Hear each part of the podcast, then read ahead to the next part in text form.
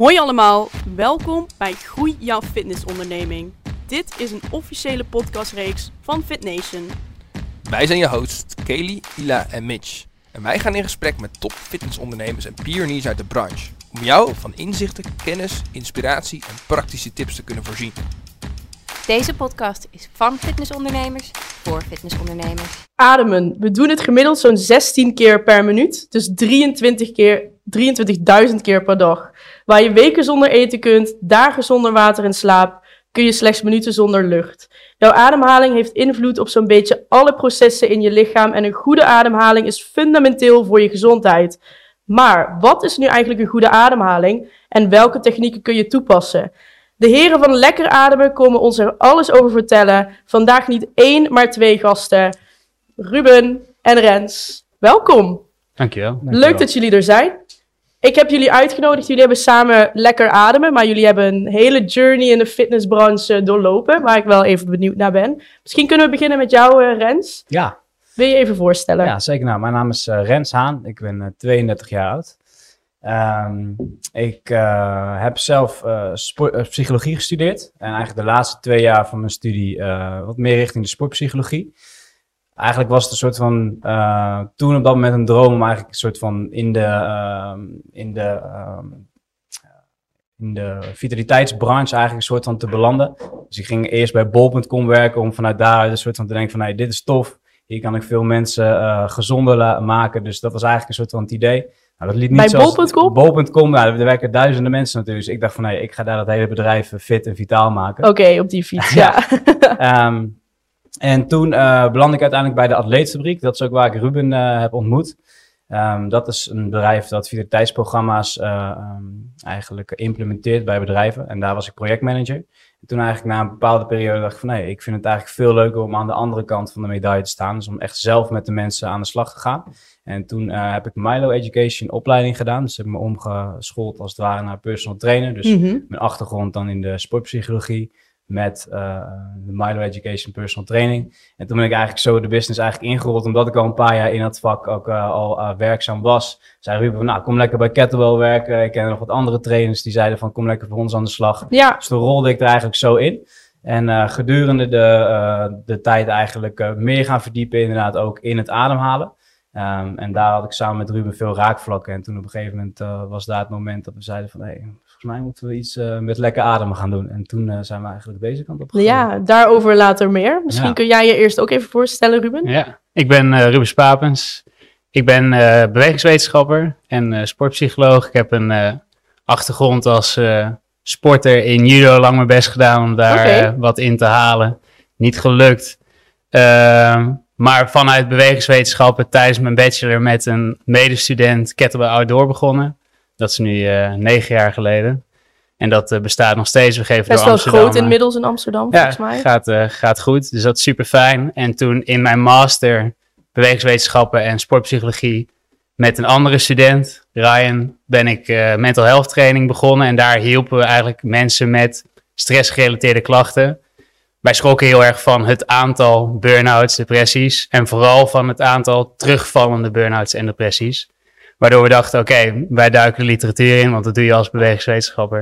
En we gaan kijken hoe dat beter kan. En toen zijn we een bedrijf gestart om dat te gaan doen. En als onderdeel daarvan had je natuurlijk de bekende dingen, slaap, adem, nou, slaap, voeding, training, et cetera, et cetera. Maar ademhaling was een beetje ondergeschoven kindje.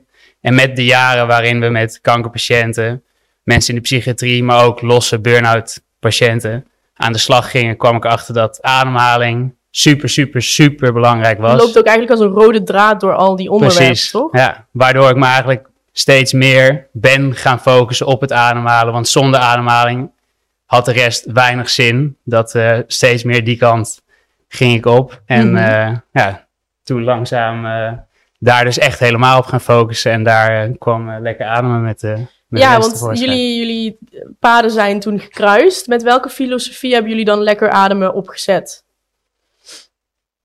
Nou, eigenlijk, eh, wat Ruben ook al zei, we kwamen erachter dat we werkten natuurlijk al veel samen met, eh, met onze personal training klanten en ook groepslessen. En eh, wat Ruben ook al vertelde in, in het verleden met mental health training, dat je al echt zag van oké, heel veel mensen ademen eigenlijk verkeerd. Mhm. En het is onze missie om eigenlijk gewoon aan de slag te gaan om mensen meer controle over hun ademhaling te laten krijgen. Waardoor ze uiteindelijk ook meer controle krijgen over hoe ze reageren op stress.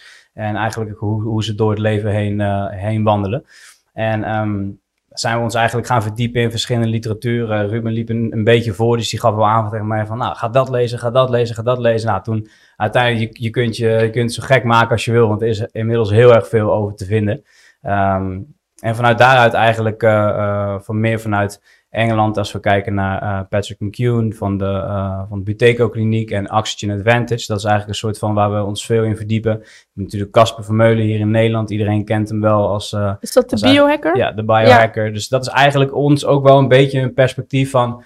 Weet je, je kunt door je ademhaling je lichaam eigenlijk, je zenuwstelsel, je autonome zenuwstelsel beïnvloeden. Waar we eerst altijd dachten van, hé, dat is iets waar je, niets, waar je in, in die zin niets aan kunt doen.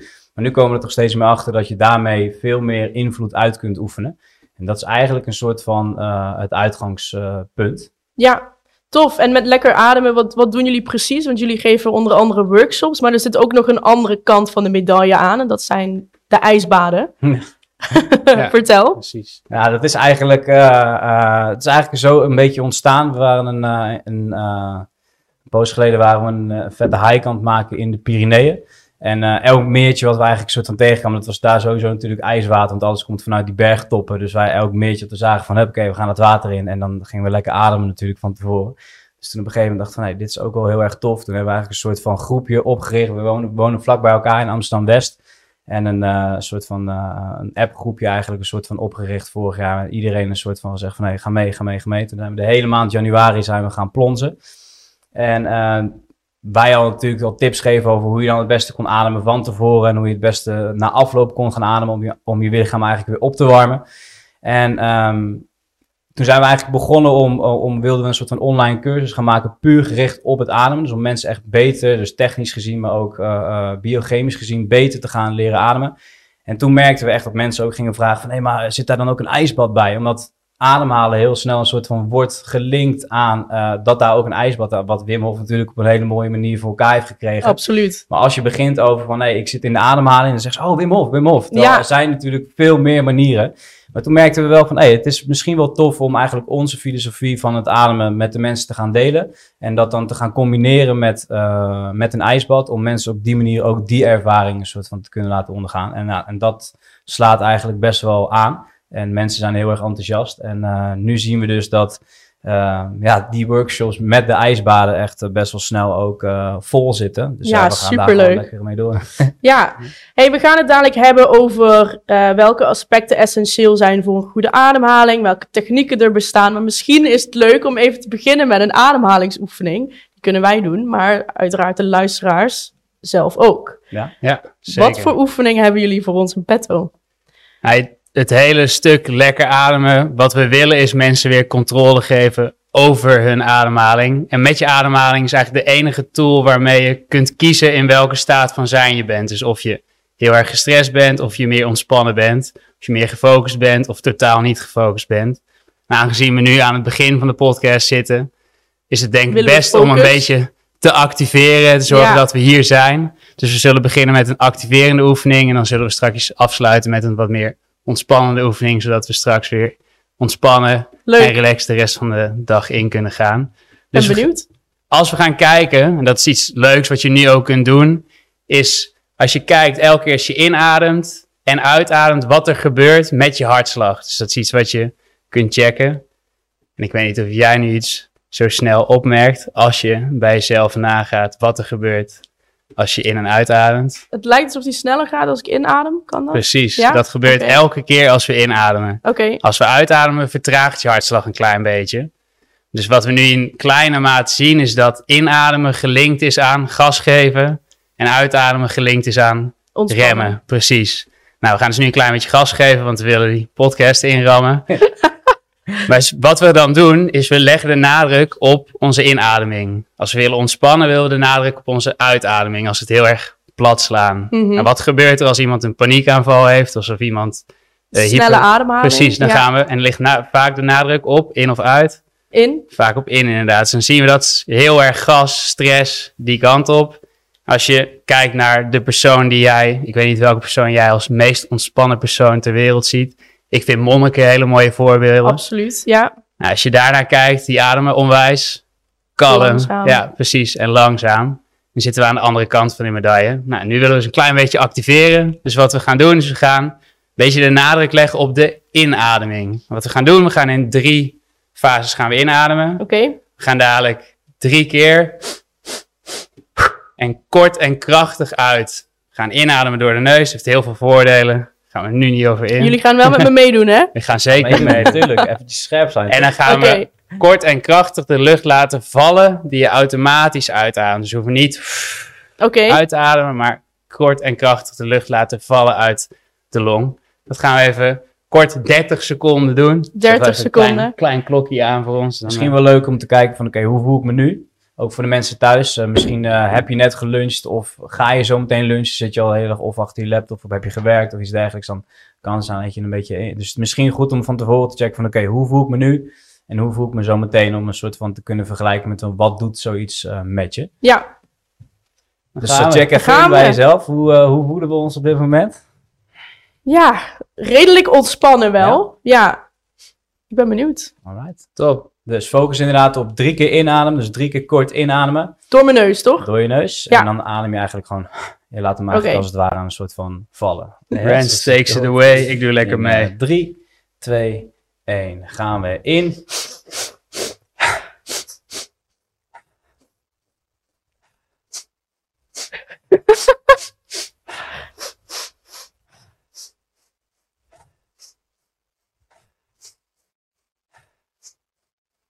Vijftien seconden. Keep going.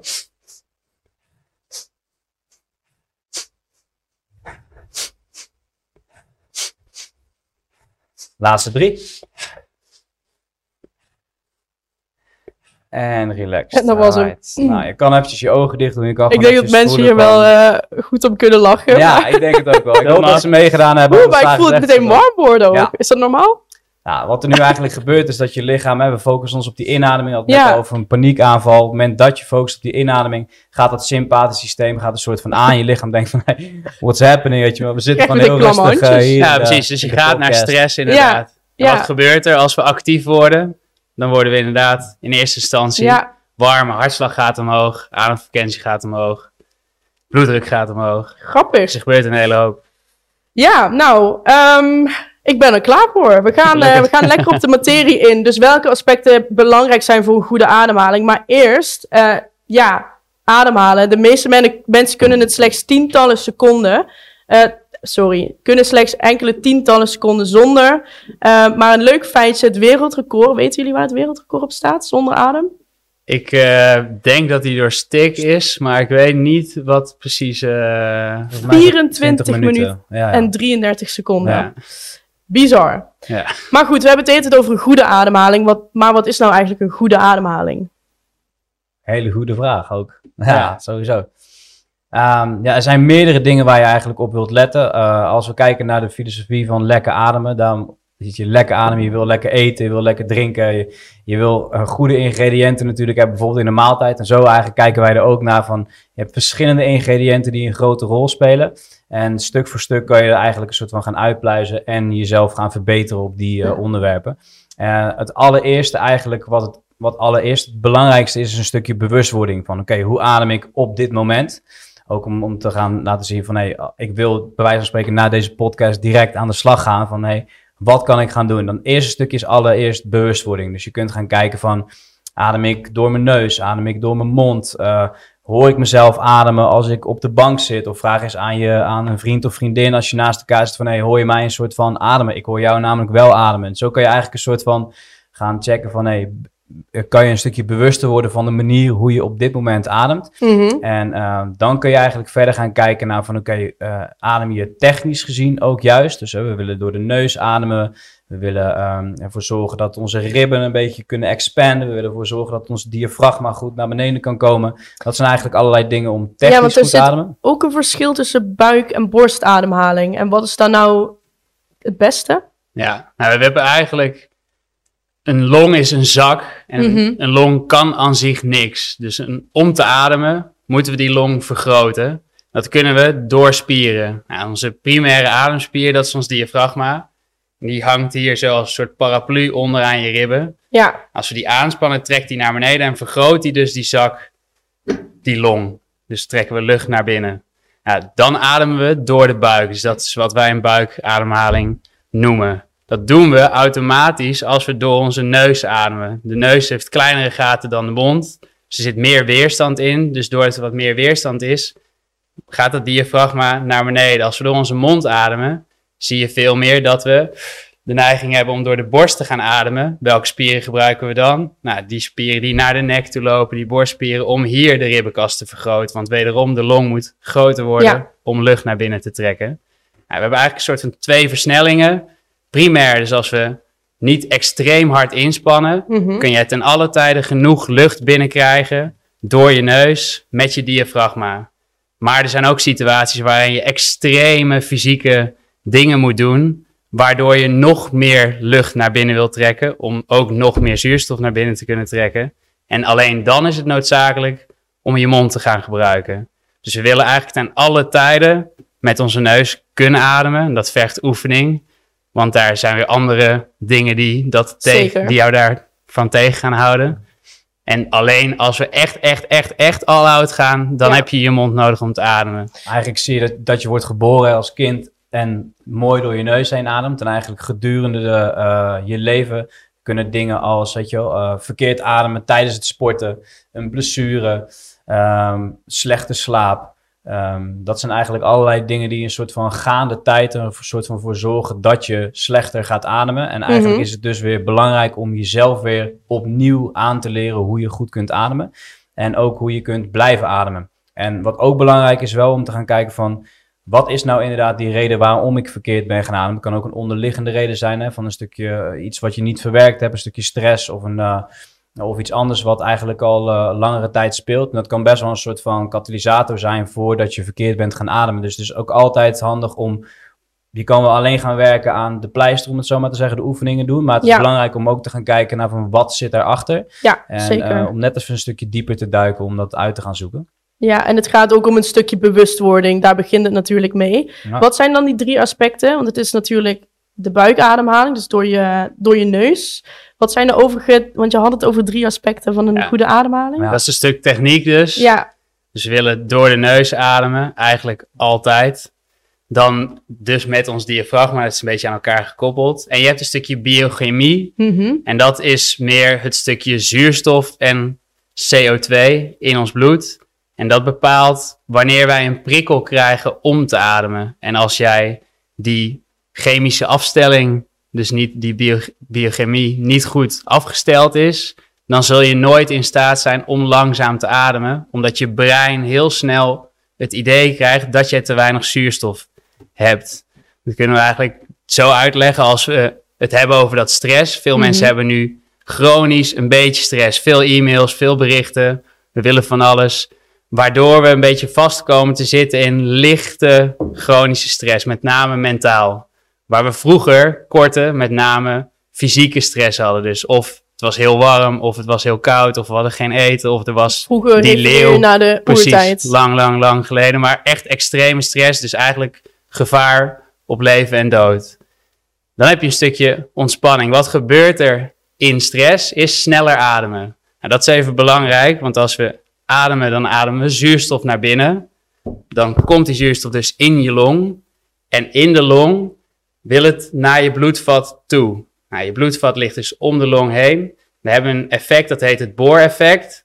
Als we meer zuurstof in de long hebben dan dat we in het bloed hebben, gaat dat uitwisselen en trekken we CO2 naar buiten. Want dat produceren we als mens in onze cellen om energie vrij te maken. Gebruiken zuurstof als brandstof, produceren CO2 als afvalstof. En een boom doet dat weer precies andersom. Mhm. Daarom leven we zo mooi met ze samen. Ja, Nou, dat stuk, als wij inademen en uitademen, dan zit er in een mooi adempatroon zit er een pauze. In die pauze staat je lichaam niet uit, want je lichaam staat nooit uit. Dus het blijft CO2 produceren. Maar er kan niet meer zo goed gas uitwisselen tussen je long en het bloed. Dus wat er gaat gebeuren is de hoeveelheid CO2 in jouw bloed, in jouw systeem gaat oplopen. En bij een bepaalde hoeveelheid CO2 zal jij een prikkel krijgen dat je moet ademen. Dus het is niet bij een bepaalde hoeveelheid zuurstof, wat we Mhm. allemaal denken. Ik heb te weinig zuurstof als je zo lang mogelijk je adem inhoudt. Maar het is de hoeveelheid CO2 die bepalend is wanneer jij de prikkel krijgt om te gaan ademen. Nou, als we nu chronisch snel ademen, dan blazen we altijd onze CO2 heel snel uit, omdat we die pauze halen we weg uit onze ademhaling. Dus dan is Waardoor- het CO2 tekort. Waardoor die CO2 inderdaad nooit kan oplopen, want die tijd heeft het niet. En onze CO2-drempel wordt daardoor lager en lager en lager, want zoals alles in ons lichaam, als we iets niet gebruiken, dan verliezen we de kunde. Dus als we niet trainen, worden we niet sterker, worden we steeds slapper en minder fit. En zo werkt dit ook. En als we dus chronisch die sluimerende stress hebben, die ervoor zorgt dat we chronisch wat sneller ademen, want in stress ademen we sneller, ja, dan zul je zien dat die CO2-drempel naar beneden gaat. En dat mensen niet meer in staat zijn om in rust kalm te ademen. Omdat ze heel snel de prikkel krijgen om te ademen. Zodra ze kalm proberen te ademen. Heel Dus interessant. dat is een hele Kun je hem ook omdraaien? factor. Kunnen mensen ook eh, te veel CO2 binnenkrijgen? Nee, je kunt wel natuurlijk door je adem vasthouden heel veel CO2 in je systeem brengen. Mhm. Eh, en dat doet van alles en nog wat qua trainingsvoordelen. Dus eh, dat is meer met sporters die extreem CO2 willen trainen. Dan kom je een beetje in dat high, ja. high altitude. Ja, deep diving training. inderdaad. Ja. Precies. Dat zijn mensen die dus, inderdaad wat je zegt, dat is zo'n wereldrecord. Die, eh, die meneer kan waarschijnlijk, heeft een hele hoge CO2-tolerantie. Die Ja. krijgt heel laat pas een ademprikkel. En daarom kun je zien die deep divers eigenlijk een soort van met, een- met eh, minimale zuurstof een soort van naar beneden eh, kunnen gaan. En Mhm. steeds dieper kunnen gaan. En zij krijgen op een gegeven moment wel die, die prikkel. Hè. Je lichaam gaat dan hoogstwaarschijnlijk zo'n- een soort van Ja. signaal geven van nee, het is nu weer tijd om te ademen. Maar voor een groot gedeelte eh, is dat ook een soort van mentaal. Als je op dat moment rustig blijft, kan je dus eventueel nog dieper gaan. Maar dat is niet een soort van ongetraind aan te raken. Nee, zeker niet. Oké. En er zit natuurlijk altijd een grens aan je zuurstof, want die blijft nodig bij Ja. bepaalde waardes van zuurstof. Als je onder de 60% saturatie komt, ja, dan zul je flauw vallen. En dat is wel een gevaar als we het over, over deep dive hebben bijvoorbeeld. Zeker. Maar dat zeker. CO2-verhaal, dat heeft wel onwijs veel voordelen om dat dus te trainen. Want als je gaat kijken wat CO2 doet, dat zorgt er eigenlijk voor dat je bloedvaten open gaan staan. Dus als wij een hoge CO2-tolerantie hebben, dan zul je zien dat je bloedvaten open staan. En dat je dus je bloed beter kunt vervoeren door heel je lichaam. En dus ook je heel je lichaam beter kunt voorzien van zuurstof. En dat is super belangrijk, want je cellen die leven daarop. Ja. Als we weinig CO2 in ons bloed hebben, dus als we chronisch snel ademen, dan zie je dat de bloedvaten vernauwen. Er zijn heel veel mensen die vaak koude handen en voeten hebben bijvoorbeeld. Dat komt vaak doordat die mensen te snel ademen en een te lage CO2-tolerantie Goeie tip voor de luisteraars. dat is ja. Precies. goeie, ja. Vooral in deze winterse dagen. Ja, in de winterse dagen 100%. En Ja. dat is dus eh, iets wat je weg kunt trainen door je CO2-tolerantie te gaan verhogen. Want als we dus meer CO2 in ons systeem hebben, Aan wat voor techniek, techniek moet ik dan denken? Hoe kunnen mensen dit trainen? Eigenlijk net zoals ik het net uitlegde, je ademt dus in en uit. Nou, in die, na die uitademing hebben we dus een lege long, waardoor we geen gaswisseling meer hebben. Als we nu die pauze vasthouden, neemt de CO2 dus toe. En die willen we eigenlijk toelaten nemen totdat het een beetje oncomfortabel wordt. Dus dat jij een ademprikkel krijgt. Als je dat blijft doen, dus in, uit, pauze, in, uit, pauze, waarbij je je in en je uit consistent houdt, dus niet steeds dieper, dan zul je dus voor vijf minuutjes of tien minuutjes een beetje die ademnoodsensatie creëren bij jezelf. Als je dat dagelijks gaat trainen, dan zul je die CO2-tolerantie omhoog gaan brengen. Mhm. En met dat die CO2-tolerantie omhoog brengt, zal je rustademhalingsfrequentie ook wat naar beneden gaan, omdat we minder snel die prikkel krijgen om weer te gaan ademen. En tegelijkertijd krijg je weer wat warmere handen en voeten. Dus het heeft eh, veel nice, voordelen. goede tip. Ja, het is een, wat je veel ziet natuurlijk, is dat dan bijvoorbeeld ook met de klanten die ehm, eh, burn-out-achtige klachten hebben, of in ieder geval stressgerelateerde klachten, is dat ze dan vragen van oké, wat doe je aan je ontspanning? En dan is bijvoorbeeld ontspannen in, eh, vaak dan oké, lekker op de bank liggen en Ja. Netflix. Maar er is best wel een groot verschil tussen rust en ontspanning. Want rust kan je inderdaad gewoon van, ik ben lekker rustig en ik zit met een kopje thee op de bank. Maar dan zou je ademhaling nog steeds, als je daar niet voldoende aandacht aan besteedt, zou het nog steeds inderdaad een patroon kunnen zijn waarbij je eigenlijk te snel ademt. En op het moment dat je echt in volledige ontspanning komt, uh, dat is dus een, groot belang. Heb je dan op de ademhaling, je ademhaling moet in dan op dat opzicht in orde zijn. Om echt te kunnen ontspannen en om je lichaam echt te kunnen laten herstellen. Um, en dat is dus ook wel een van de grootste en de belangrijkste dingen die wij met lekker ademen proberen over te brengen. Is dat wil je echt in die ontspanning komen, dan, dan moet je ademhaling oké zijn. Ja, dan en moet wat, je dus traag kunnen ademen. Ja, en wat doen jullie daar zelf dan voor? hebben jullie, belasten jullie bijvoorbeeld zelf een moment per dag in om lekker te ademen? Ja, het is voor mij om. Uh, zelf als jong jochie heb ik heel veel last gehad van hyperventilatie. En daar is eigenlijk, ik zei het net al, je moet gaan kijken van wat heeft uh, je, je verkeerde ademhalingspatroon een soort van uh, misschien veroorzaakt. En als ik dan zelf ben gaan graven van oké, waar is bij mij een soort van terechtgekomen of vandaan gekomen, is dat vanuit uh, de sport denk ik vaak verkeerd geademd. Dus echt gewoon enthousiast en alleen maar keihard achter die bal aanrennen. En dan stonden we 1-0 achter en dan ging je nog harder werken. En op een gegeven moment dan viel je neer en dan was, het, was ik mhm. helemaal aan het hyperventileren. Nou, een paar keer naar het ziekenhuis geweest met kinderartsen en zulke soort dingen. En toen kwam ik eigenlijk achter van, hé, hey, ik heb hyperventilatie. En dan zeiden ze van, oké, je moet dit doen. En dan zak je in en uitademen. Dat was dan de enige tip die je een soort van meekreeg. Later, dus nu, uh, wat is het, 20 jaar later of zo, ga je erin duiken en denk van, hé, hey, potverdorie, hadden ze dit en dit tegen me gezegd. Dan had ik al eerder aan de slag kunnen gaan. Dus voor, ik merk nu soms nog wel eens dat die, die belemmerende adempatronen, dat die er best wel een soort van diep ingesleten zitten. Die zitten er nog. Ja, bij mij, voor mij is het belangrijk om eigenlijk dagelijks en vooral als ik in de ochtend, uh, je merkt wel zo dat je soms wakker wordt en je denkt van, nou, ik voel me nog niet helemaal een soort van uitgerust. Uh, dan is het misschien een goed moment om in plaats van bijvoorbeeld op je, op je smartwatch te kijken van hoe is mijn slaapscore, om een ademhalingsoefening te doen, zoals Ruben het uitlegt, rustig in, uit, kleine pauze, in, uit, kleine pauze, om dat consistent te doen voor een minuut of vijf A10. Um, en om dat eigenlijk een soort van dagelijks in te gaan uh, lassen. Dus het is uh, echt het vertragen van die ademhaling die ervoor gaat zorgen dat je weer uh, meer tolerant wordt voor CO2. Ja. ja. En extreem belangrijk inderdaad om dit goed te kunnen. Want als je dan weer gaat naar, nou stress is een beetje volksvijand 1 geworden. Stress is goed, mits je ervan kunt herstellen. En ademhalen en slaap, et cetera, zijn dus dingen die daarvoor kunnen zorgen ademhaling zorgt dan weer op zijn plaats dat we beter slapen, beter onze voeding gaan verteren, et cetera, et cetera. Maar als we naar een gestrest persoon gaan kijken, zie je dat ze vaak misschien wel twintig keer per minuut ademen wanneer ze thuis zitten, omdat ze bijvoorbeeld een burn-out hebben en dan zitten ze op de bank een boekje te lezen. Of naar Netflix te kijken. Want 20, minuut, 20 keer per, minuut, is veel, hè? is heel vaak. Dat is eigenlijk het aantal wat jij wil als jij een rondje gaat rennen. Ja. Ergens bij jou in de buurt. Ik zei net al, gemiddeld mens 16 keer. Dat is ook al aardig hoog. Eigenlijk wil je rond de 10 zitten, heb ik gelezen, toch? Ja, je wil eigenlijk... Kijk, het is, daar is natuurlijk... Klinisch wordt er gezegd inderdaad 12 à 16 keer. Maar als we gaan kijken, willen we eigenlijk 6 à 8 keer in rust per minuut ademen. Dus een stuk lager dan wat er klinisch wordt aangehaald. Maar het zijn twee verschillende dingen en je moet daar ook niet te veel aan vasthouden, vind ik. Maar uh, als we daar zwaar boven gaan zitten, dan weet je zeker dat je een hele lage CO2-tolerantie hebt. En we weten ook dat bij bepaalde CO2-toleranties, daar kun je weer scores aan hangen, dan meet je dus hoe lang het duurt voordat jij die prikkel krijgt om te ademen. Kun je ook dagelijks doen om te kijken op die dag hoe gestrest jij bent. Als je mhm. gestrest bent, gebruik je meer energie dus zal je sneller die prikkel krijgen. Als die score laag is, dan kun je met zekerheid zeggen dat je dysfunctioneel ademt.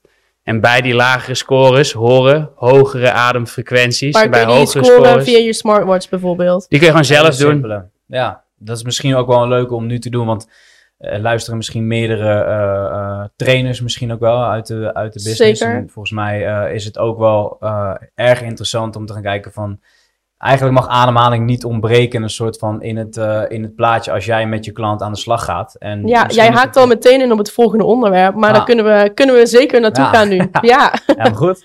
Um, ja, wat je, wat je wil doen natuurlijk, de dingen waar we, waar we het net al over hebben gehad, als je een, een klant uh, begeleidt op wat voor gebied dan ook, is het belangrijk om die ademhaling gewoon mee te pakken. En dan hoef je geen uh, grote ademguru te zijn, maar er zijn gewoon een aantal dingen eh, die je heel makkelijk kunt meten, waaronder je CO2-tolerantie. Uh, eh, en dat is de BOLT score, de Body Oxygen Level Test. eh, van de, van de eh, Oxygen Advantage in, eh, in de UK. En dat is eentje die we nu bij wijze van spreken kunnen doen. En misschien heb je je telefoon eh, bij de hand, want we kunnen jouw Nee. bolt score eventjes... eh, Nee, nee, nee, nee. Die van mij wel. Ja, eigenlijk hetzelfde wat we een soort van net al uitlegden. Je ademt eh, heel normaal in via je neus, je ademt normaal uit via de neus en je stopt met ademen. En je gaat eigenlijk wachten tot je weer je eerste prikkel krijgt. Dus het is niet zo dat je hoeft eh, vast te houden. Het is geen spel als het ware, geen competitie om te denken van... Dat je op een gegeven moment blauw aanloopt. Je mag dus gewoon voelen aan je lichaam van eh, wanneer krijg ik weer dat signaal om opnieuw te ademen. En dat is eigenlijk een indicatie eh, om te zien van ehm, hoe tolerant ben je voor CO2. En dat is dan meteen de eerste die je meet. Want ik Ja. kan me ook voorstellen als je het langer doet, dat je het dus langer vol kan houden. Ja, maar dat kun je dus blijven opkrikken. En het ligt er ook maar net aan van hey, wat zijn je doelstellingen en Ja, ga je het nog meer gebruiken in, in eh, sport als het ware. Nou, dan kun je dat blijven opkrikken. Maar voor heel veel mensen is het... eh, eh, ja, we gaan het meemaken wat, eh, wat de score een soort van is. Maar, Dus korte samenvatting is het eigenlijk inademen door de neus, uitademen door de neus, zoals je altijd doet. Dus niet dieper en niet dieper uit. Dan start je de tijd zodra je hebt uitgeademd. En je stopt de tijd zodra je de prikkel krijgt om weer te ademen. En dan willen we precies eenzelfde ademhaling zien als die je daarvoor maakte. Dus niet dieper, want anders dan heb je te lang je best gedaan. alright, alright. Dus ik ga heel goed op jouw schouders eh, letten. Als, de eer- als jouw eerste ademhaling, dan hebben we iets te lang eh, gewacht. Oké, Ja? oké, oké. Dus adem in, adem uit en start.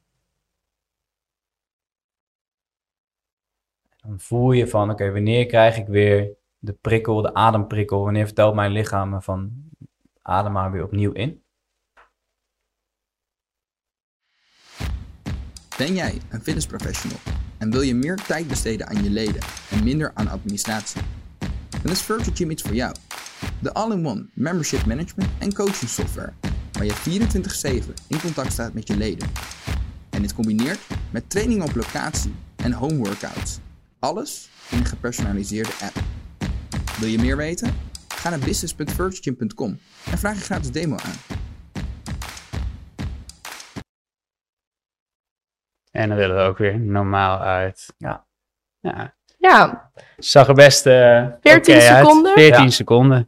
Dat is, is dit eh, eh, goed, slecht, gemiddeld? voor, eh, je zou bijna kunnen zeggen, helaas eh, redelijk normaal. Oké, oké. Ehm, maar dat is eigenlijk te laag. Wat we dus zien bij heel veel mensen is dat ze chronisch te snel ademen. En Ja. helaas ook veelal een lage bolscore hebben.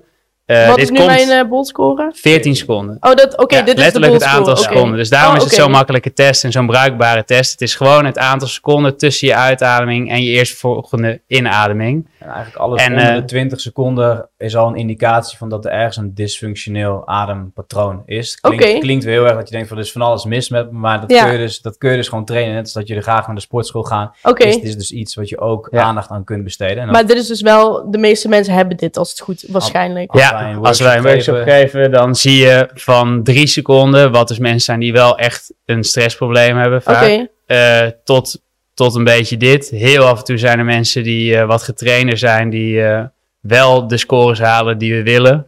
ja. Je wil eigenlijk naar 25 seconden tot 40 seconden opwerken. 40 seconden Ja, een oké. Ik had het denk ik ook iets langer kunnen volhouden, maar ik wilde wel niet. Nee, heel goed. eh, Nee, Maar dat, daar zit ook wel wat training aan. En zeker als je gaat kijken, dit komt van een eh, arts, Buteko heet die man, uit Oekraïne.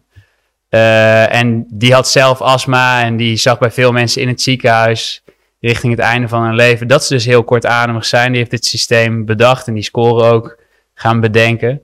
Eh, dat mensen met dysfunctioneel adempatronen die daar bekend mee zijn, heb je met name over astma en zo, mhm. dat die problemen weggaan bij een bolscore van 25 seconden. Dus dat is heel interessant als je met dat soort dingen kampt. Maar voor normale mensen is die score 25 seconden net zo goed een beetje de grens die hij hanteert als dysfunctioneel ademen. En het punt waarop je vaak van je slaapproblemen afkomt. Van alle andere dingen die ook aan ademhaling gelinkt zijn. Want als we het weer hebben over stress, als we snel ademen, zijn we eigenlijk een beetje gestrest. Ja. Wat moeten we zijn als we willen slapen? Nog heel even terug naar dat slaap, want daar hebben we het nog niet echt over gehad. Hoe slaap in verhouding staat tot ademhaling. Want mensen die slaapproblemen hebben, Mhm. dat kan vaak dus ook door de ademhaling komen. Je hebt bijvoorbeeld ook slaapapneu. Dat Ja. een extreme daarvan. Precies. Wat gebeurt er bij slaapapneu? Doe het eens na, gewoon wat er gebeurt. Ja, het is een soort van, ja, je, je vergeet adem te halen, Ja, toch? dus- En dan een soort van snurkachtig Ja, wat je eigenlijk... geluid. Doe het eens na, zegt hij. Ja, doe maar, doe maar. Dan, Nee, doe maar zelf. Dat gebeurt meestal toch, dat mensen in één keer Ja. van wakker schrikken. Nou, wat er waarschijnlijk gebeurt met die persoon is dat je allereerst te snel ademt. Dus je ademt in en uit, waarschijnlijk door de mond. Waardoor je heel veel CO2 verliest en je CO2-tolerantie heel laag komt te liggen. Of je CO2, het level van CO2 heel laag komt te liggen. Waardoor je dus op een gegeven moment geen ademprikkel meer krijgt. Dus eerst zou het waarschijnlijk zo hebben geademd. En op Mhm. een gegeven moment dan, misschien heb je wel eens iemand gehoord die naast je op de bank ligt te slapen. En dan stop je in één keer met ademen. En dan hoor je een hele poos niks. En dan in één keer Ja, ja, ja, ja, ja. ja. dat komt dus omdat in één keer dat lichaam een soort van, eigenlijk bijna geen, eh, Geen lucht meer geen krijgt. lucht meer heeft. En een soort van, die, die, die prikkel, die CO2 is in één keer weer opgelopen na een, een bepaalde tijd. En dan in één keer krijg je het signaal van, oké, nu moet ik weer ademen. Ja, dat kun je bijvoorbeeld eh, eh, eh, heel makkelijk een soort van voorkomen. Door inderdaad die ademhalingsoefeningen oefeningen gedurende de dag te doen. En ervoor te zorgen dat je eigenlijk gedurende de dag, want dat is eigenlijk waar je wilt beginnen. Hoe adem ik gedurende de dag? Dus niet per se tijdens het trainen of Mhm. gedurende de, de nacht. Maar de dag is het belangrijkste. Ja, En als je daar een stukje bewuster van wordt. En vervolgens, wij, wij tapen allebei onze mond dicht. ja want dit wilde ik ook nog aanhalen, want dit heb ik gehoord in een podcast Ja. met die Casper, Ja, die biohacker. Dus inderdaad, mensen die veel door hun mond ademen eh s Goeie s'nachts. tip. van, Ja, als eh, je dus kijkt naar waar, waar ademen we weer met stress, mond en Ja. hoog. Ja. Waar ademen we in rust, neus en buik, dus diafragma. Nou, ten eerste is je diafragma gekoppeld aan je nervus vagus en dat is een zenuw die gekoppeld is aan je parasympathisch zenuwstelsel. Dus dat is je rustsysteem. Dus door door je neus te ademen, activeren we die zenuw en worden we wat meer ontspannen.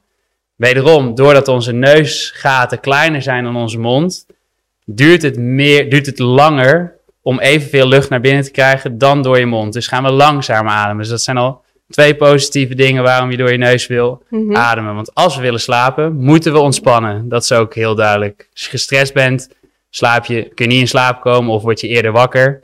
Nou, dus daarom, als je je mond dichtplakt met het slapen, dan word je geforceerd om door je neus te ademen. Trager, diafragma, twee dingen die dus ervoor zorgen dat je meer ontspannen bent en dieper zult gaan slapen. Ja, goede tip voor luisteraars die dus slaapproblemen hebben. Of inderdaad niet goed slapen, niet inslapen. Mond aftapen. Klinkt Ja. misschien even raar in het begin, maar Absoluut. probeer het dus. Ja. Jullie hebben positieve ervaringen daarmee. Ja, Ja. maar ook met, met klanten eigenlijk. Iedereen die eerst kijkt van wat, eh, wat zeg jij nou? Ja, Eh, dan bellen ze je op een gegeven moment drie dagen later en zeggen ze van nou, ik heb nog nooit zo lekker geslapen. Dus het zijn best wel eh, mooie resultaten en zo simpel. Want wil jij gezond, eh, gezonder gaan leven en ga je op je voeding letten of heb, maak je een trainingsschema. Dat zijn dingen waar je heel veel tijd en energie eigenlijk moet instoppen. Waar je gedurende de een paar weken misschien resultaten gaat zien. En dit is letterlijk, oké, je tape je mond dicht en je forceert jezelf om door je neus te ademen. Waardoor je direct de, de health benefits eigenlijk een soort van te pakken hebt. Dus het is echt win-win. ja Dus top. zou- Laten we het dan even gaan hebben over eh, je klanten coachen op ademhaling. Want jullie zijn allebei ook personal trainers, coaches. Jullie doen het zelf ook. Eh, je gaf net al die bold scoren. Dat was Ja. een, eh, een goeie. Maar wat kun je eigenlijk nog meer doen om je, je, je klanten te trainen tijdens, maar ook buiten eh, de workout? Nou, is een tweede test die je kan doen. Dan kunnen we, als daar nog vragen of iets dergelijks over zijn, of tijd hebben, kunnen we die nog een soort van, eh, misschien ook nog wel doorlopen. Is ook heel snel. Maar dat is eigenlijk hoe, dat gaat veel meer op de techniek. Dus het eerste stuk was echt me- meer eh, biochemisch. Kijken Mhm. van wat gebeurt er in je lichaam eh, qua zuurstof en CO2-tolerantie. En deze test is eigenlijk meer gefocust op hoeveel controle heb jij over je diafragma. Ehm, je ziet vaak dat mensen bijvoorbeeld inademen en dan, en dan dat diafragma schiet eigenlijk een soort van gelijk omhoog. En wat we willen is dat je daar meer controle over hebt. En dat kun je dus eigenlijk doen door ook een test te doen. Je ademt in, dan start je timer en dan ga je dus heel langzaam uitademen. En dan kun je dus eh, aan de hand daarvan meten van oké, wat is mijn, eh, mijn eh, gecontroleerde uitademscore. En dat is ook eigenlijk hetzelfde gelijk aan een, eh, gewoon de tijd die, het, die op je telefoon verschijnt. Alright. En eigenlijk die twee dingen zijn hele grote indicatoren van oké, waar kan ik met mijn klant mee aan de slag? Als je ziet dat iemand CO2-tolerantie best oké is, maar weinig techniek heeft over het gebruik van zijn diafragma, dan kun je een ademhalingsoefening wekelijks, dagelijks meegeven die meer focust op technisch juist ademen. En zie je juist dat iemand best wel goed ademt, maar een lage CO2-tolerantie heeft, dan geef je hem meer oefeningen mee waarbij je ehm, dus eigenlijk die breath holds een soort van meer gaat eh, Ja. voorschrijven. Dus Precies. En in de trainingen, dus dat is super belangrijk. Dat zijn een beetje de ingrediënten waar we het over hadden. Over dat lekker ademen, dus lekker Mhm. eten. Daar kun je mee gaan spelen. En tijdens trainen kun je ook spelen de manier waarop je ademt. Wat we zien is dat mensen veel te veel door hun mond ademen. De hele dag door. Wederom weer een beetje dat effect van die toch wel te veel aanwezige stress in ons eh, leven. En dat wil je ook in training, kun je dat gaan afleren. Maar dan zullen mensen dus het snel benauwd krijgen, omdat hun CO2-tolerantie bijvoorbeeld nog niet hoog genoeg is. Ja, Hm. want waar moet je dan op letten als coach? Want het is best moeilijk om te zien. Kijk, het is makkelijk om te zien of iemand door zijn mond of neus ademt. Maar Ja. verder kun je, is het lastig om echt te zien hoe iemand ademt. Dat voelt iemand waarschijnlijk het beste. Waar moet je als coach dan op letten? Dus om te kijken naar je discores kunnen we dus gebruiken. Daarnaast ehm, wat je ziet aan een diafragma is een spier dus. En ook als we het hebben over stress, dan span je een spier aan. Dat is ook bekend. Mhm. Nou, als je dus heel veel spanning in je diafragma hebt, is het dus ook best wel moeilijk om goed diep door je buik te ademen. En dan willen we A, die spanning wegnemen, maar kan het dus ook nog goed zijn om een diafragma bijvoorbeeld los te masseren. Er zijn fysio's die dat goed kunnen. Je kunt ook zelf kun je daar een beetje mee aan de slag om te zorgen dat die diafragma wat losser komt. Want als je een spier al aanspant, ja, dan kun je hem niet nog meer gebruiken. Dus dan zet je jezelf een beetje vast om goed te leren ademen. Nou, dat zijn een van, die, eh, een van die andere dingen waar je mee aan de slag kunt gaan. En je kunt dus met kennis, want dat vind ik altijd belangrijk, dat mensen begrijpen waarom je dat wil veranderen Mhm. kun je ze gaan motiveren om in ieder geval een warming-up bijvoorbeeld alleen door de neus te gaan doen. Want in je warming-up wil je altijd in je aerobe systeem zitten. Dus je cardio, iets wat je heel lang kunt doen. En als jij cardio doet, dan heb je nog helemaal niet die mondademhaling nodig. Alleen in je piek. Alleen in je piek Ja. heb je die nodig. En ster- sterker nog, je kunt tot over je anaerobe drempel, kun je puur op neus in en uit, wel wat krachtiger, kun je functioneren. Er zijn een aantal versnellingen voor, eh, die je dan kunt hanteren. Maar je wil in ieder geval zorgen dat een klant in aerobe inspanning door zijn neus kan ademen. Want als hij dat gaat doen, en dan zal die CO2-tolerantie ook gaan toenemen als hij dat op dit moment nog lastig vindt. Dus je kunt dan in je warming-up meegeven, hey, we gaan alleen door je neus ademen. En als iemand wat lager in zijn CO2-tolerantie zit, zal dat betekenen dat hij dus iets minder hard fietst, iets minder hard rent, of wat je dan ook met je klant doet. Mhm. Maar dat is helemaal prima, want dan zorg je er in Ja. ieder geval voor dat die CO2 ook een beetje oploopt, bloedvaten gaan mooi open. En als we door onze neus ademen, dan trekken we ook meer nitric oxide. Dat is een stofje dat zit in je voorhoofdholtes. En die zorgt er weer voor dat je longblaasjes zo'n 20% verder open komen te staan. Dus dat we met dezelfde hoeveelheid lucht 20, of, met 20% minder lucht evenveel zuurstof binnen kunnen trekken. Dus dat heeft alweer voordeel. Dan heb je dus 20% efficiënter dan door je mond te ademen. Van dat soort dingetjes, die wil je gaan implementeren. Ja. Absoluut. En wat dan wel heel erg belangrijk is, want je bent niet de hele dag aan het sporten. Je zit ook bijvoorbeeld niet de hele dag in een, in een ijsbad. Het gaat juist echt om die day-to-day eh, breathing patterns. En dan is het dus heel erg belangrijk van, ga je inderdaad jezelf meer eh, pushen om dus op, of op neusademhaling te gaan letten tijdens je training. Dan is de kans groter dat je die patronen ook gaat overnemen en dat ook juist in je dagelijks leven gaat toepassen. Dus daarom is het zo interessant om Ehm, bijvoorbeeld alleen in de warming-up of bepaalde eh, cues mee te geven eh, met je klanten. Om dus veel meer te gaan focussen op neusademhaling. En inderdaad ga je op een gegeven moment eh, naar je anaerobe systeem en moet het volle gas de, de, de kraan opengedraaid worden. Ja, dan is het prima om extra lucht aan te zuigen en ook snel CO2 te verliezen. Maar dat is iets waar je dan heel sp- sportspecifiek mee aan het Ja. trainen bent. Maar voor de meeste mensen is het gewoon heel erg interessant om eh, vooral in die eerste vier versnellingen gewoon nog steeds eh, door de neus te blijven eh, inademen. Heel interessant. Ik heb eh, best wel veel gasten aan tafel gehad. En mijn, bij- ja, ook personal trainers, coaches. En het gaat eigenlijk altijd over voeding, training, slaap, herstel. Maar ademhaling is er eigenlijk nooit in voorgekomen. Dus ik denk dat we nu wel kunnen stellen dat je met je klanten ook aan de slag moet gaan 100%. met ademhaling. Ja. Wij vinden zelfs, als je een beetje naar die piramides kijkt, die plaatjes ken je wel met wat is het belangrijkste, dan is ademhaling 100% de bodem van de piramide. Als je kijkt hoe lang kunnen we zonder eten, prima een maandje. Hoe lang kun je zonder drinken, afhankelijk van wat voor weer het is, maar Ja, prima een weekje. Hoe lang kun je zonder lucht? Nou, niet heel lang. maximaal Ja, 23, dat is het 24, dus. Ja, ja, 33. moet je- Als je heel hard hebt Getraind getraind. Maar je ziet dus dat dat het allerbelangrijkste is. En als je dus goed wil kunnen ontspannen, kan het zelfs zo zijn dat als je verkeerd ademt, je dat niet eens kunt. En als je niet goed kunt ontspannen, zal je spijsvertering niet optimaal zijn, zal je slaap überhaupt niet optimaal zijn. Dus al die dingen waar je aan probeert te draaien, die worden misschien gecomprimeerd door iets waar je helemaal niks aan doet. Ja, Dus het is echt super belangrijk om heel eh, interessant. de boel in kaart te brengen. Laten we gaan naar het laatste onderwerp. IJsbaden, koud douchen. Ehm, ja, koudtraining. Ja. Daar eh, zijn jullie eh, inmiddels ook experts in. Als ik zeg koudtraining en ijsbaden, je zei het net ook al, dan denken we eigenlijk aan, eh, in, aan Wim Hof. Is het ook een inspiratie geweest voor jullie? 100%. Absoluut. Beetje een goeroe, Ik toch? bedoel, eh, ik denk dat iedereen eh, in Nederland nog een paar jaar geleden dacht van wie is die man en wat doet hij allemaal voor gekke dingen. Uit Maar, Sittard. ja, maar het is, toch, het is gewoon een baas, toch? Ja, absoluut. Hij heeft absoluut. het eh, echt op de kaart gezet en in heel, heel de wereld is hij een soort van eh, echt een held. En in Mhm. Nederland hebben we eigenlijk gewoon veel te lang eh, een soort van gedacht van dit is een beetje een gekkie, maar het is gewoon echt een held. Ja, hij Ja. heeft het gewoon eh, op de kaart gezet. Ja, En je ziet het maar nu, hè, overal in Amsterdam is iedereen lekker aan het plonzen in de grachten en aan het doen. En heel veel mensen zijn enthousiast dat het seizoen weer begonnen is. En eh, ja, wij hebben er ook al ja, wel zin in eigenlijk weer. eh. Leuk, leuk. Ja, jullie inspireren me wel om ook zelf even in de Amstel te gaan Ja, we, springen. we, we waren eigenlijk van plan natuurlijk om eh, voor de podcast een eh, ijsbad met jullie te doen. Ja. Helaas eh, was Ja, het niet Een helemaal... beetje te eh, kort dag, maar eh, gaat er nog wel van komen, denk ik.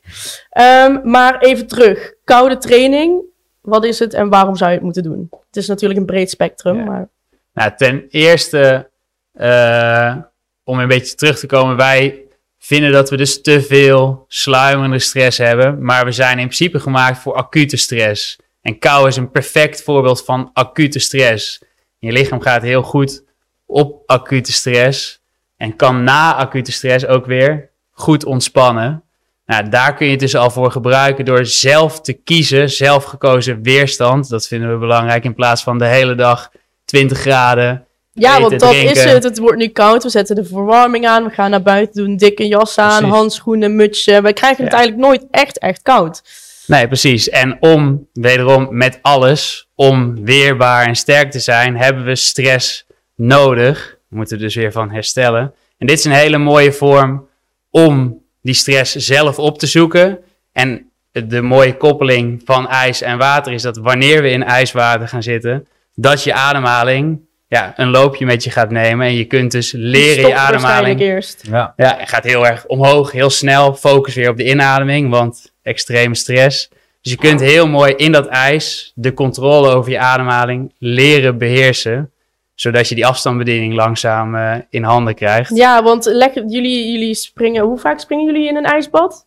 Gemiddeld? nou ja, afgelopen jaar hebben we een soort van met, met een hele groep een soort van challenge gedaan om elke dag in januari... Elke dag. Dus elke dag januari Zo. afgelopen jaar hebben we dat Ja. eh, gedaan. Maar ja, nu is het... eh, nu, nu begint het seizoen weer, om het zo maar even te zeggen. Dus ik denk dat ik een, eh, een keer of drie per week wel eh, in een ijsbad ga zitten. Ik heb er nu toevallig eentje sinds kort op mijn balkon staan. Ik lag er net voordat we hier richting de podcast gingen nog even snel drie minuutjes in. Ehm, dus ja, de kans is groot dat het straks dagelijks is hoor. Ja. Oké, en kun je even uitleggen wat er met je lichaam gebeurt? Je vertelde net al kort, hè, je adem gaat heel snel, maar wat gebeurt er? Wat voel je op het moment dat je daarin gaat? Nou ja, de eerste 10, 15 seconden schiet je hartslag natuurlijk omhoog. Ah, je lichaam denkt van, wat ben je aan het doen? Je moet zo snel mogelijk het ijs uit. En eh, dat ga je eigenlijk een soort van door middel van je ademhaling controleren en jezelf eigenlijk weer rustig krijgen. En na een seconde of 45 denk ik, misschien wat eerder als je getraind bent, dan voel je eigenlijk een soort van gevoel van eh, ontspanning over je heen vallen. Ehm, ja, en daarna ga je zien inderdaad dat, eh, eh, dat dingen als serotonine, dopamine, dat, dat het echt een soort van de lucht inschiet als je, als je er langer dan een drie minuten in blijft eh, zitten. Ehm, ja, en dat zijn, voor heel veel mensen doen het, doen het inderdaad in de ochtend om gewoon heerlijk lekker wakker te worden. Is dat je cardiovasculaire systeem eventjes eh, Ja, op... en hoe lang blijf je er dan in zitten? Ik ga meestal voor drie minuten. Oké, Dat is eigenlijk wat ik... oké. Wat Ehm, een kleinere stap is de dag beginnen met een koude douche. ja. Doen jullie dit ook? Eh, zo, zo nu en dan. Zo nu en dan. Ik douche niet zo heel vaak. Dat is een grapje, toch? nee, nee, nee, nee, dat is geen, zeker geen grap. Oké. Maar, eh, Twee keer per week of zo, denk ik. nou ja, zeker niet dagelijks. Maar eh, ik, eh, ik, ik ben zelf eh, meer fan van een, eh, van een ijsbad dan van de douche. Sowieso is de helft van het jaar is het eh, leidingwater gewoon eh, te warm eigenlijk. Maar een koude douche is natuurlijk een hele goede variant om op te trainen richting een ijsbad. En wat praktischer als je elke dag een beetje de kou op wil zoeken. En de resultaten zijn ook zeker daar. Nu wordt het leidingwater weer lekker koud en ja, eh, ik, krijg je een eh, mooie... ik probeer het zelf ook veel te doen, maar het wordt nu wel langzaam pittiger hoor. Vooral Ja. als ze dan, eh, ik slaap sowieso altijd met mijn raam open, al is het min 10, dat vind ik heerlijk. Mhm. Maar als ze dan die koude douche instapt, het is enorm koud. Ik begin altijd warm, maar ik moet me er nu, het is wel een mentale battle Ja, om het precies. Dan je- Vanochtend is het me niet gelukt. Dan kom je inderdaad aan bij het mentale stuk. Op het moment Ja. dat het een soort van discussie gaat worden, hè, dan ga je een beetje vechten met jezelf. Van doe ik het wel of doe ik het niet? En dan sta je eerst lekker comfortabel om die warme douche. En je denkt toch van, man, ik heb er eigenlijk helemaal geen zin in. Op het moment dat je daar al een soort van aan, als je die discussie aan het voeren bent, Ja, ja, dan, Heb dan je heb je eigenlijk al verloren. verloren. Dus je kunt ook tegen jezelf zeggen, als, als jij een soort van houdt van jezelf een beetje, eh, eh, eh, ja, een soort van op een regime als het ware. Dan tegen jezelf zeggen van, nee, er is geen discussie. Volgens mij zegt Tony Robbins dat ook elke ochtend als hij een soort van, hey, there's no discussion, just gonna do this. En huppakee, dan draait hij hem een soort van koud. Het zorgt natuurlijk wel voor een, een flinke mentale boost, ook voor je willpower om, eh, om dat gelijk te doen. Dan sta je wel in je eentje. En wat ik ook zelf een heel erg mooi eh, eh, aspect vind van het koude water en, en het buitenzwemmen, is dat je het echt met andere mensen doet. En dan Mhm. krijg je weer dat stukje verbinden, hè? dat stukje eigenlijk een soort van je ja, mensen om je heen verzamelen die, eh, die eh, hetzelfde erin staan als jij, ja. eh, die je ook de weerstand opzoeken. Misschien ook leuk voor gym-eigenaren die dit horen. Er is overal wel water in Nederland. Ja, Zoek een clubje bij elkaar. Dus ook community buil- building. Absoluut. Die het samen willen gaan doen. Iedere Ja. zaterdagochtend bijvoorbeeld. Dat zijn hele mooie initiatieven van. En, en je ziet het, je ziet ja, er zijn zoveel van zulke soort initiatieven in Amsterdam. Als je, als je zoiets online voorbij ziet komen, dan, dan kun je gewoon aansluiten. Iedereen is welkom, weet je. Dat Ja. is gewoon, het, het is heel erg leuk om het met z'n allen te doen. En je voelt al, wij merkten het vorig jaar met die groep. Nou, er kwamen mensen bij en op een gegeven moment stonden we daar gewoon met twintig man in de sneeuw. Ja, fantastisch. Mensen die voor het eerst gingen, gingen mee. Het was echt, eh, ja, het was hartstikke, het was echt ja. super top. Leuk man. Nog even over die koude douche. Ik kan me voorstellen dat mensen die dit nog nooit hebben gedaan, dat eh, pittig vinden. Ik zei net al, ik begin warm en ik eindig koud. Eh, heb je tips om het te trainen? Ja, een beetje hetzelfde verhaal. Net als in een ijsbad, koud water, dat zorgt ervoor dat je wil gaan hyperventileren, want je vindt het onwijs koud. Ja, Dus je wil zo snel mogelijk weer die controle over je ademhaling. Zodra jij controle over je ademhaling hebt, kun jij dus ontspannen Ademen. in die, in die stressvolle situatie. Dus wat je kunt doen, is je adem even vasthouden, zelfs als je de douche koud draait. Omdat je dan dus sowieso kalm bent, want je ademt even niet. mhm. Eh, of je zorgt dat je zo snel mogelijk naar een ontspannen uitademing gaat. Dus we ademen in en we ademen zo ontspannen mogelijk uit. In zoals die komt, zo ontspannen mogelijk uit. En wat je lijf wil doen is ook weer aanspannen. Maar zolang je met je lijf nog in spanning zit, zul je dus ook niet goed kunnen relaxen, ontspannen. Dus nee. Op het moment dat je gaat vechten, dan wordt het gewoon een hele moeilijke. En op het moment dat je eraan overgeeft en eigenlijk een soort van focus, die ademhaling trekt je gewoon echt helemaal naar het moment. Kun je niet meer eventjes denken aan zo van, hey, ik wil liever warm of ik, moet nog dit doen. Of weet je wel, op het moment, dan ga je in je hoofd en dan wordt het gewoon een hele lastige, eh, op, een hele lastige opdracht. Maar op het moment dat jij gewoon puur en alleen focust op je ademhaling, trek je jezelf helemaal naar dat moment. Ehm, ja, en dan zul je inderdaad zien dat je best wel snel stappen kunt gaan maken. Dus pak gewoon meer die controle over je ademhaling. Begin gewoon lekker kort. Als jij denkt van, nou, ik wil het wel eens gaan proberen, doe het gewoon kort. Hè. Er is niemand te- die tegen jou zegt van, je moet gelijk drie minuten gaan. Nee, dat vind ik ook wel. En dat heeft mij enorm geholpen. Ik heb zelf ook het boek van Wim Hof gelezen. En hij zei ook, begin bijvoorbeeld in week 1 met 30 seconden. Week 2 met een minuut. Dan anderhalf, dan twee minuten. En doe het bijvoorbeeld vier, vijf dagen per week. En als het een keer niet lukt, ben dan ook niet te streng voor jezelf. Ja, precies. Goeie tip. Goeie tip van Ja, eh ome Wim. Sowieso. Ja. Hebben jullie nog een laatste tip voor de luisteraars? Want we zijn langzaam aan het einde. We gaan zo nog even die ontspannende oefening doen met z'n allen. Maar een laatste tip voor, eh, ja, voor degene die luisteren. Kort maar krachtig.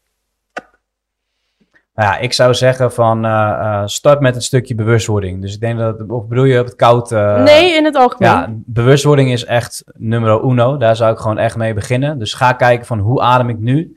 Ehm, ik ga kijken van oké, gaan mijn ribben mooi naar buiten? Eh, adem ik goed vanuit mijn buik? Gebruik ik mijn neus? Dat zijn eigenlijk de drie belangrijkste dingen om te gaan kijken van hoe, hoe zit het met je ademhaling? Nou, en dan ga, ga die simpele testjes doen. Dus die test die we net doen, de, de, de bold score en die controlled exhale. Kijk gewoon waar je op dit moment staat. En schakel eventueel gewoon hulp in eh, als je denkt van hé, ik, ik moet hiermee aan de slag en ik vind het lastig. Ja, dan is het gewoon helemaal prima om hulp in te schakelen natuurlijk, om daarmee aan de slag te gaan. Kunnen ze gewoon even bij lekkere ademen aankloppen. Bijvoorbeeld. Tuurlijk. Ja, Ja, en dan lekker koppelen aan iets wat je al dagelijks doet. Dus heel veel, dat is het mooie aan ademhalen, kun je overal. Je hebt er niks voor nodig, alleen Nee. jezelf. Eh, dus je kunt het ook overal oefenen. Als jij eenmaal inzicht hebt in hetgeen wat bij jou beter kan, dan kun je dat overal gaan doen achter je bureau. Maar ook wanneer je je wandelingetje naar de supermarkt maakt, zijn allemaal momenten waarop je ook in beweging prima met je ademhaling aan de slag kunt gaan om hetgeen te verbeteren wat jij eh, moet verbeteren. ja. Zeker, mooi. Zullen we de laatste oefening doen? Top. Nou, we zijn dus begonnen met een eh, activerende oefening. Nu eh, zit het actieve deel erop, dus eh, is het lekker om de rest van de dag wat meer te gaan ontspannen. En als we ze willen ontspannen, moet de nadruk liggen op uit. Normaal, eh, het is lekker soms om te ademen op muziek. Die hebben we nu niet bij, dus we zullen er eentje gaan doen die iedereen op zijn of haar eigen tempo kan doen. Gaan inademen door de neus. Veel voordelen, straks allemaal besproken. En daarna gaan we zo langzaam mogelijk uitademen door de neus. Of als je dat lastig vindt om langzaam uit te ademen door de neus, kun je in eerste instantie één neusgat gebruiken. Kleine gaatje, dus iets meer weerstand. Mhm. Of je kunt doen alsof je door een rietje uitblaast. Dus Oké, zodat je nog iets meer weerstand op kunt zoeken. Waardoor we extra langzaam uit kunnen ademen. En dus ook nog meer naar die ontspannen toestand getrokken worden.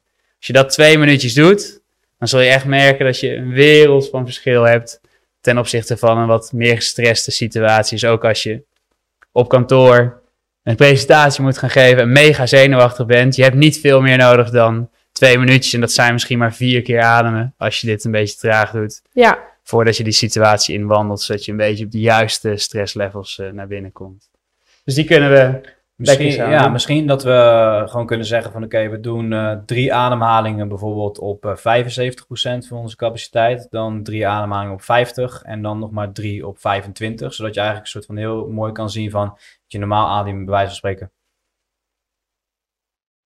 Op die manier, dus best Mhm. wel een soort van relatief nog een soort van veel, maar wel eh, gecontroleerd. En dat je op een gegeven moment gaat kijken van hoe kan ik hem zo langzaam mogelijk afbouwen naar zo minimaal mogelijk. En dat kun je dan echt door blijven gaan tot je op een gegeven moment 1% in, 1% uit. En dan kom je echt in volledig ontspannen. En hoogstwaarschijnlijk val je een paar minuten later in slaap. Dat willen we Oh, natuurlijk ook heerlijk. niet. Ja, voor het, voor het slapen gaan is Ja. het een heerlijke oefening om te doen. Maar misschien gewoon, een, want we willen natuurlijk ook niet nog, willen we hier twee minuten nog eh, zitten? nee, we willen niet twee minuten Nee, gaan ademen. Laten we gewoon drie keer eh, gewoon eventjes een soort van op 75% inademen. Eerst mooi door de buik, dan mag je een stukje borst erbij pakken. Vervolgens gaan we alleen nog maar in de buik ademen. En dan die laatste ga je ja, tussen de 25 en 1% dan in dit geval proberen zo minimaal mogelijk. Dus mocht er echt iemand gewoon naast je staan, zo bij jou aan het luisteren van of die je kan horen, dan wil je eigenlijk een soort van hebben dat, dat, die, die- dat diegene jou niet meer kan horen. Oké, Ja? oké. Dus ja. laten we drie keer inademen op 75%. Dat is buik en En borst. langzaam uitademen door Oh, de neus. Precies, gewoon proberen zo langzaam en gecontroleerd mogelijk uit te ademen. Yes? Dus gaan Yes. we in de buik. Stukje borst en langzaam uit.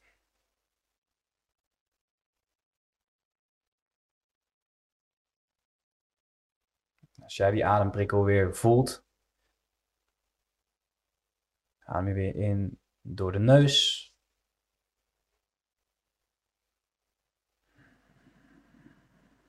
Stukje borst kan erbij. Langzaam uit. Denk aan het rietje. Je kan eventueel wat gecontroleerder uitademen. Als je die lippen ietsje tuit.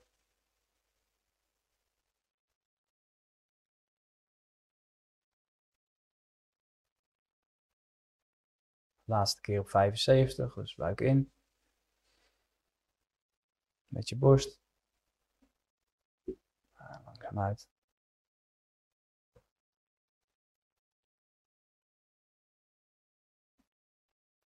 gaan we daar naar 50. Dan ga je alleen nog maar door je buik inademen. Dus gaan we even tijd doen. Dan over luisteren iedereen op hetzelfde tempo. Gaan we in.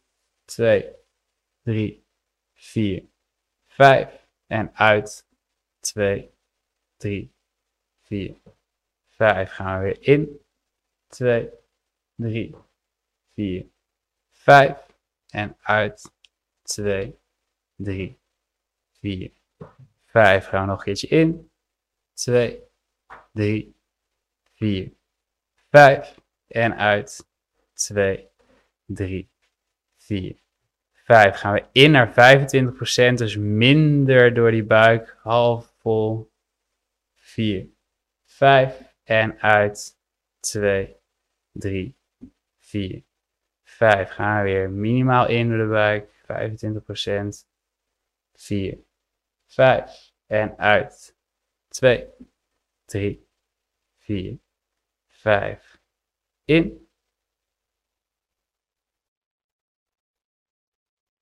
En uit.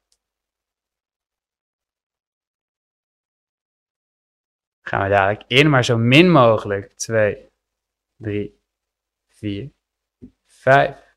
En uit. 2, 3, 4, 5. Gaan we in, nog minder. Alsof je een muisje bent. Heel klein beetje lucht. 4, 5. En uit. Laatste keer, een centimetertje lucht. 2, 3, 4, 5. En uit. 2, 3, 4, 5. Top. Wauw. Bizar. Dus je Ja. op een gegeven moment, maar dat je, nou, hoe vaak zou je, als je inderdaad die 5 seconden in en 5 seconden uit en je doet dat zes keer, dan zit je op een minuut en dan neem je dus vijf cycles eigenlijk in. Ja, En dat is eigenlijk een hele mooie om voor jezelf te oefenen. Dus begin inderdaad gewoon met wat eerst een beetje te verdiepen en dan eigenlijk steeds meer terug te gaan naar van zo minimaal mogelijk inhouden. ja, je merkt inderdaad dat je heel weinig adem Nodig nodig, hebt. hebt. Precies. Als je zit of ligt, Ja. waarschijnlijk dan. Ja. Dus nog lekkerder om dan in deze ontspannen fase dan een Netflixje te gaan kijken. En Oh, dan, heerlijk, eh, ja. Dubbel, dubbel chill, zeg maar. Of om lekker naar bed te gaan. Precies. Ja, ook. Rens, Ruben, ik wil jullie enorm bedanken. Ik vond het een hele interessante podcast. Eh, ik denk heel veel hands-on tips voor gewoon mensen zelf. Maar ook als je trainer of coach bent om aan de slag te gaan met je, met je klanten. Want ademhaling mag daar zeker niet in ontbreken. Dus dank daarvoor. Dat ijsbad, dat komt er nog wel. Ik, eh, ik ga met jullie sowieso wel een keer dippen. Lijkt me leuk. Sowieso. Ehm, volgende keer op donderdag 16 december. Dat is de laatste podcast van dit jaar. En dan hebben we even een break. Dan hebben we Paralympisch kampioen Fleur, de, Fleur Jong sorry, te gast. Ehm, door een bacterie in haar bloedbaan raakte ze op haar 17-jarige leeftijd beide onderbenen en acht vingers kwijt. En haar normale leven veranderde ineens drastisch. In plaats van op te geven, vond ze haar weg in atletiek. Ze komt haar inspirerende verhaal met ons delen en we bespreken onder andere de volgende drie onderwerpen. Vallen en opstaan, hoe om te gaan met tegenslagen, focus op Paralympisch goud over doelen stellen en doelen behalen en wat kun jij leren van de mindset van een Paralympisch kampioen als individu, maar ook als trainer of coach. Schrijf je in en tot volgende keer.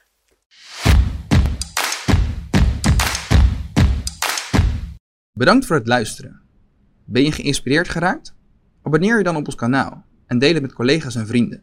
Zo kunnen we meer fitnessprofessionals helpen.